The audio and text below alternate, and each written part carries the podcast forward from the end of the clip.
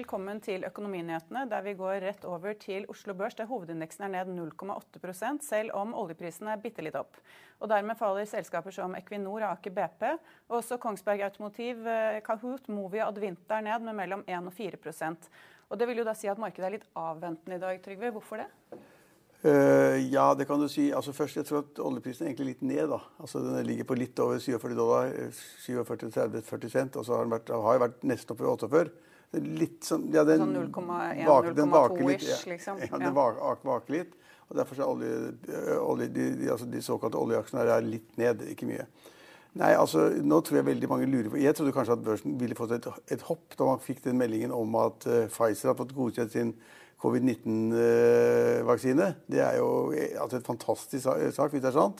Og så har det også da kommet melding om at AstraZeneca har fått, uh, fått godkjent sin, og at og at Moderna er i ferd med å få sin godkjent. At, slik at I øyeblikket ser det ut som at minst tre vaksiner kan bli godkjent i løpet av et par uker.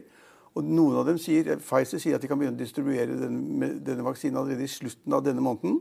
Og i hvert fall i begynnelsen av januar. Det er en sensasjon. for det, altså, det å få det ut i verden skaper optimisme. Vi, liksom, vi kommer unna den store smellen osv. Slik at det kunne få, ført til at en rekke aksjer gikk opp. Jeg har gjort det for sånn spesialaksjer innen reiseliv, som flyselskaper og cruiseselskaper og den type ting, men ikke generelt i hele markedet. Men vi vil se i dag og i morgen at folk vil diskutere denne vaksinen. Hva betyr den? Hva betyr den for økonomien? Klarer å stoppe bølge to og bølge tre? Uh, vil vi liksom kan begynne å uh, ta bort det at økonomien er stengt ned, at man kan åpne opp igjen? og Det vil komme da, uh, masse diskusjoner i Italia, Frankrike, Storbritannia, mange steder. Så det kunne liksom gitt et lite løft, men det har det ikke gjort.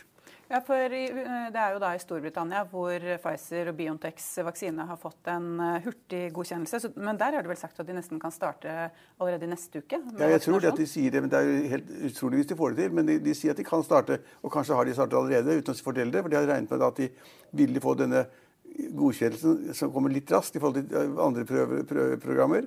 Så er det da liksom, nå, nå står jo myndighetene klar. De vil prøve, å hjelpe folk å få vaksinen ut. og Den skal først ut av de gamle. Og så skal det ut av de som da jobber i helsesektoren, de som er i frontline og tar imot problemene. slik at Jeg tror at det kommer til å gå ganske raskt, og det kommer til å bli mange. og, og det, det, får, vi tro på. Og så er det, det er jo slik at i USA, som det er noe vanvittig stygge smittetall, de trenger et eller annet. Og får de en vaksine, så kan det på en måte være en kjempesak og, skape masse optimisme og forhindre at folk dauer som fluer på sykehus osv. Og, og de har vel nå de har vel nesten 300 000 døde i USA, og så har de 12-13 millioner sånn, så Det er enorme tall, og det øker. Eh, og dette kan være vendepunkter, slik at dette er veldig positivt, men har da ikke slått ut på børsene. Men, men det, det aksjen, den aksjen som er øverst på vinnerlisten i dag, er også et medisin, medisin og farmasiselskap. Targovax. Den, den aksjen har vært opp 25-30 og det syns jeg er ganske morsomt å se. fordi at de har kommet med melding, en veldig bevisst, klar melding om vi som driver med forskning og utvikling på kreftsykdommer, og hvordan man skal behandle det. Vi har funnet nå, ved tester, ved ordentlig vitenskapelig arbeid, så har vi funnet en måte å på en måte kurere hudkreft på. Det er ganske viktig. En vanskelig type hudkreft. Som de sier at, ja, at Når de har testet dette, så har det hatt effekt på 35% av de testede personene osv. Det er en kjempe, kjemperesultat. Og da har selvfølgelig interessen for aksjen gått voldsomt i været, og den er vinneren i dag. Ja, for den er jo da opp 26 eh, da vi gikk i studio her nå. Og det var eh, positiv nyhet om kreftbehandling av føflekkreft. da. Ja. Så, ja. Hva sa jeg? Nei, du sa hudkreft. Ja, ja OK. okay. Føflekkreft. Ja. ja. Men vi snakket jo, eller du var jo så vidt innom dette her med hvordan vaksinen blir tolket positivt, særlig da for reiseselskaper. Men på Oslo Børs så går jo SAS og Norwegian hver sin vei. Ja, det så jeg også i dag. Det er, litt, det er snudd litt opp ned. da, for at SAS har vært opp liksom hele tiden, og man har tenkt at liksom, de ville klare seg bra hvis Norwegian gikk over ende. I dag så er det snudd litt opp ned, slik at, eh, at Norwegian da går faktisk opp. 5-6 var det på det beste, og SAS var ned. Og Det tror jeg ikke det er, noen, det er ikke noen nye faktorer som kan si noe om det. Det er bare liksom tradere som liker å lure på det der. Og På Norwegian så har da kursen ligget på 31 eller 32 øre. Om det da går fra 31 til 33 øre, så er det en ganske pen oppgang. ikke sant? Men det betyr veldig lite. slik at tror også markedet er avventende. Altså Hva betyr det? Blir det mer statlig støtte? Hvordan blir konkurransen? Og så shopper man mellom de to aksjene. Det er ingen som nå setter masse penger på Norwegian for en fremtidig langsiktig investering. Det er shopping, og da blir det plutselig 10% når aksjen går to øre. Ja, fordi de går opp og ned omtrent like mye, rundt 8% Ja, Det tror jeg ikke du kan legge noe i. det hele nei, nei, altså, men det er, bare, det er jo men, litt Men det ligger noen tradere der og leker, og, og som jeg sier, altså Går, går da Norwegian uh, to øre, så er det liksom 10% og synes det er et ganske sterkt utslag. Men sannsynligvis er det helt tilfeldigheter.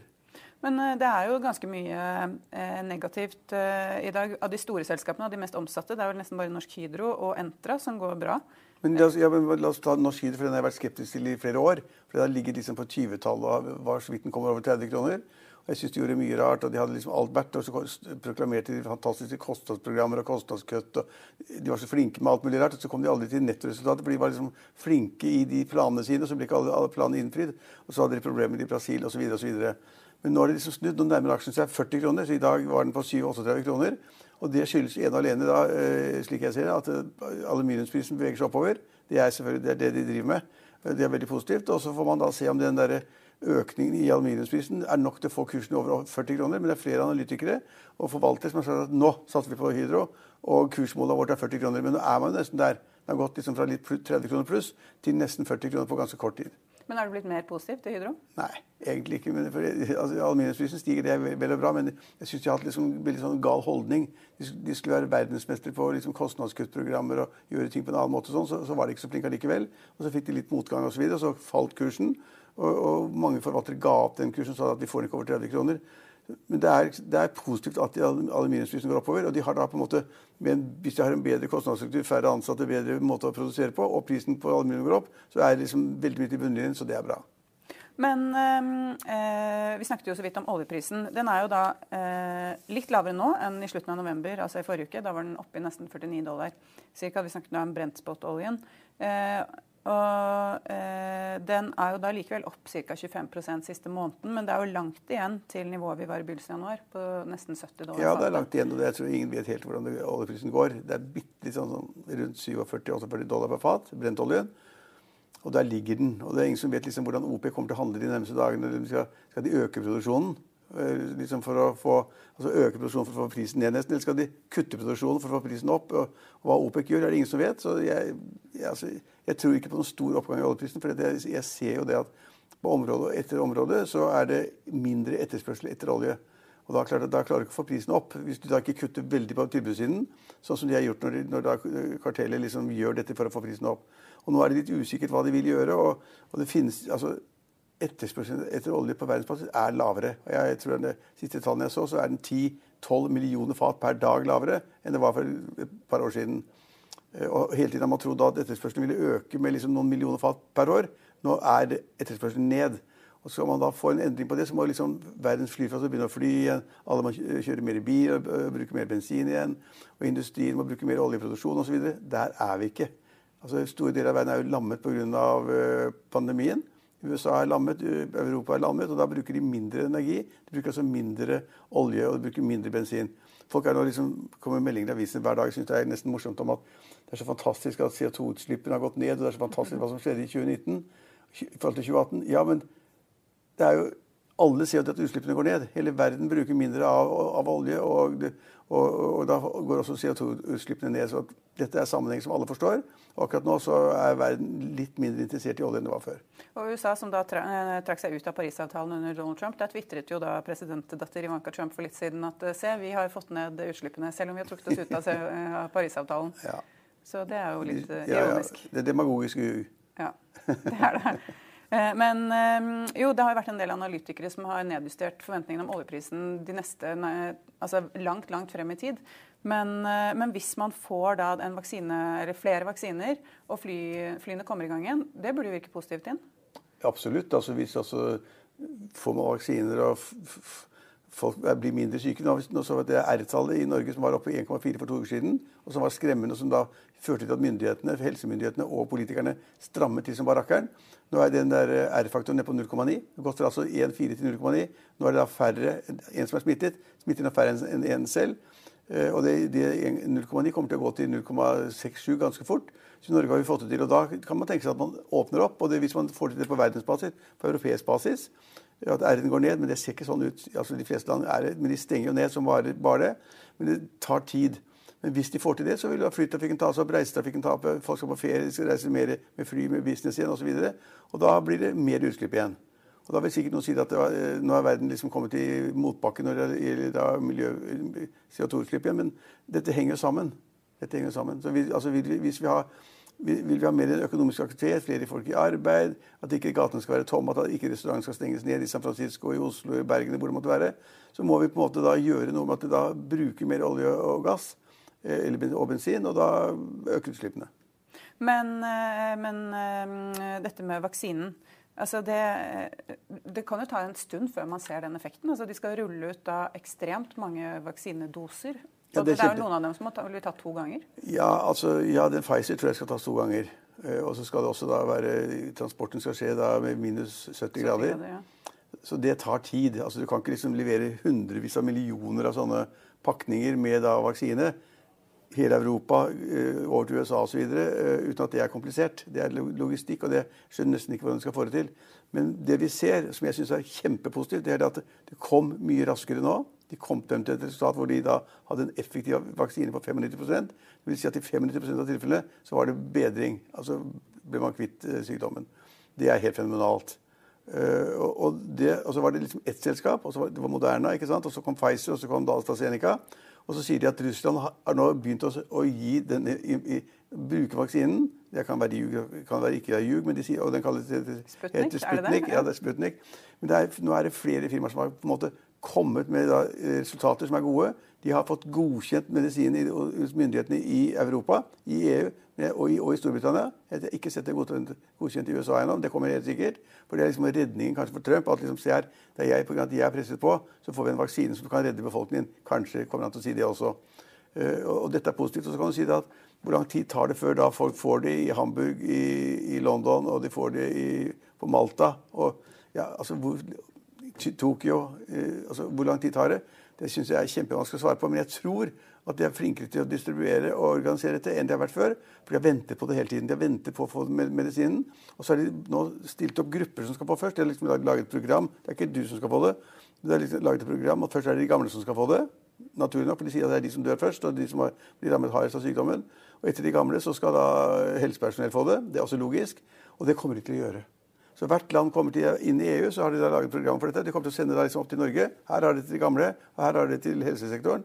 Samme gjør de i Storbritannia, det samme gjør de i Frankfurt, og det samme gjør de i København og Sverige, hvor det måtte være. Og det kommer til å gå raskere enn folk tror. Så før neste sommer håper vi da at folk er vaksinert? Jeg tror at det er lenge før det. Men jeg, jeg, påske?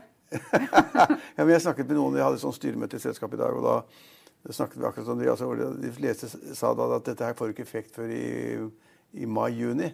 Og jeg sa at det kommer til å komme før. For at markedet er slik at noen kan tjene masse penger på noe som er kjempebra å produsere, og alle står og venter på det, så går det raskere enn man tror. Så jeg tipper at vi kan få distribuert ganske mye medisin i januar-februar.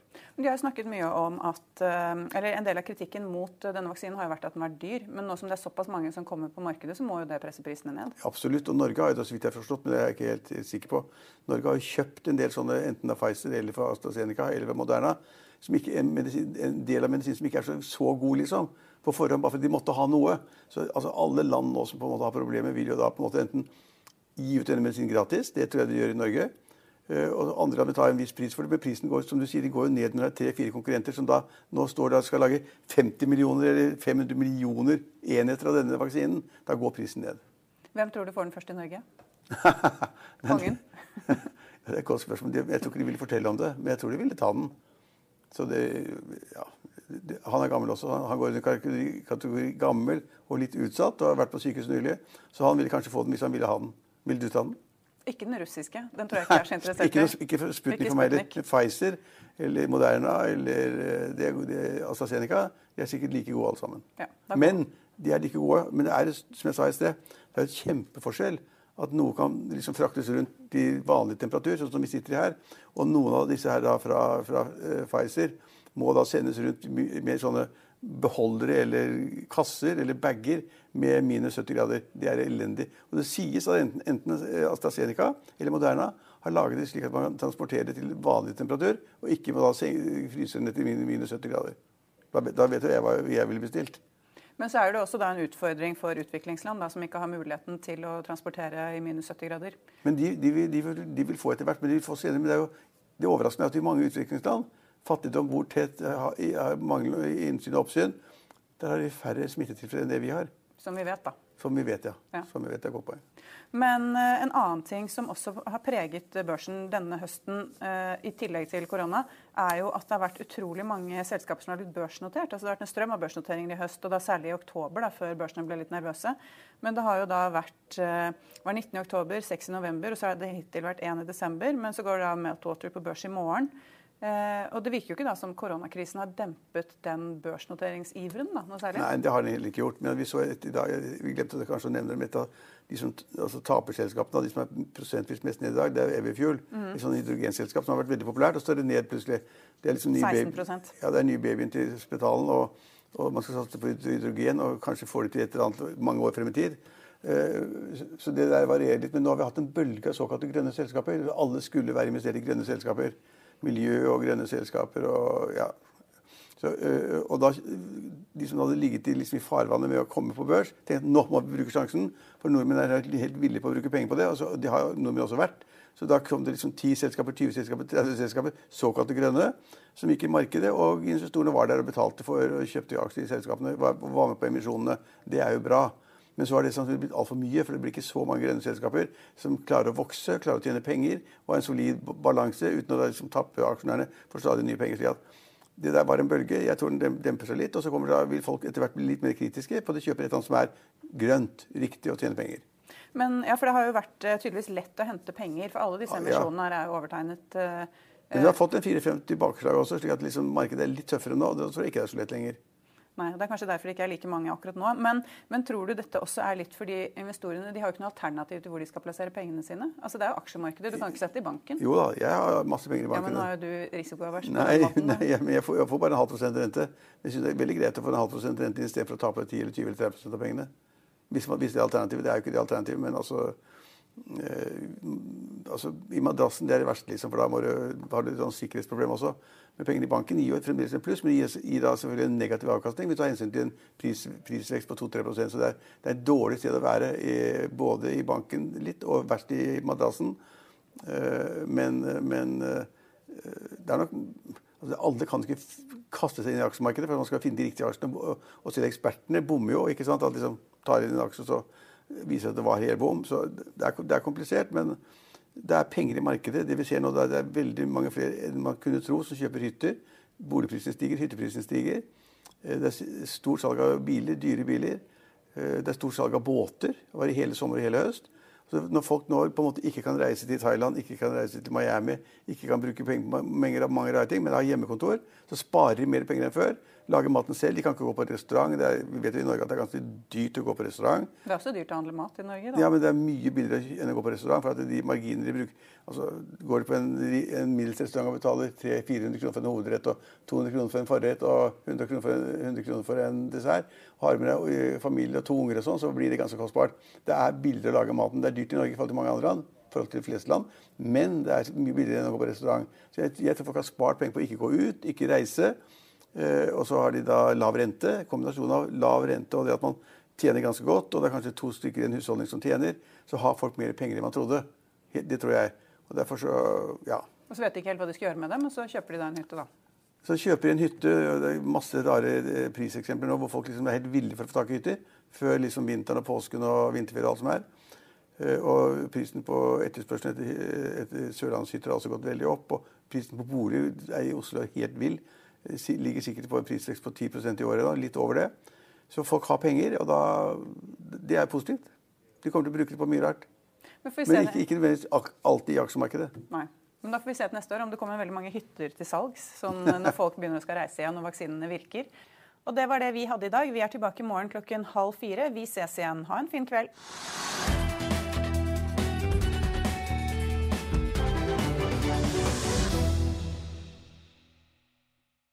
Økonominyhetene er en podkast fra Finansavisen. Programledere er Marius Lorentzen, Stein Ove Haugen og Benedikte Storm Bamvik. Produsenter er Lars Brenden Skram og Bashar Johar. Og ansvarlig redaktør er Trygve Hegnar.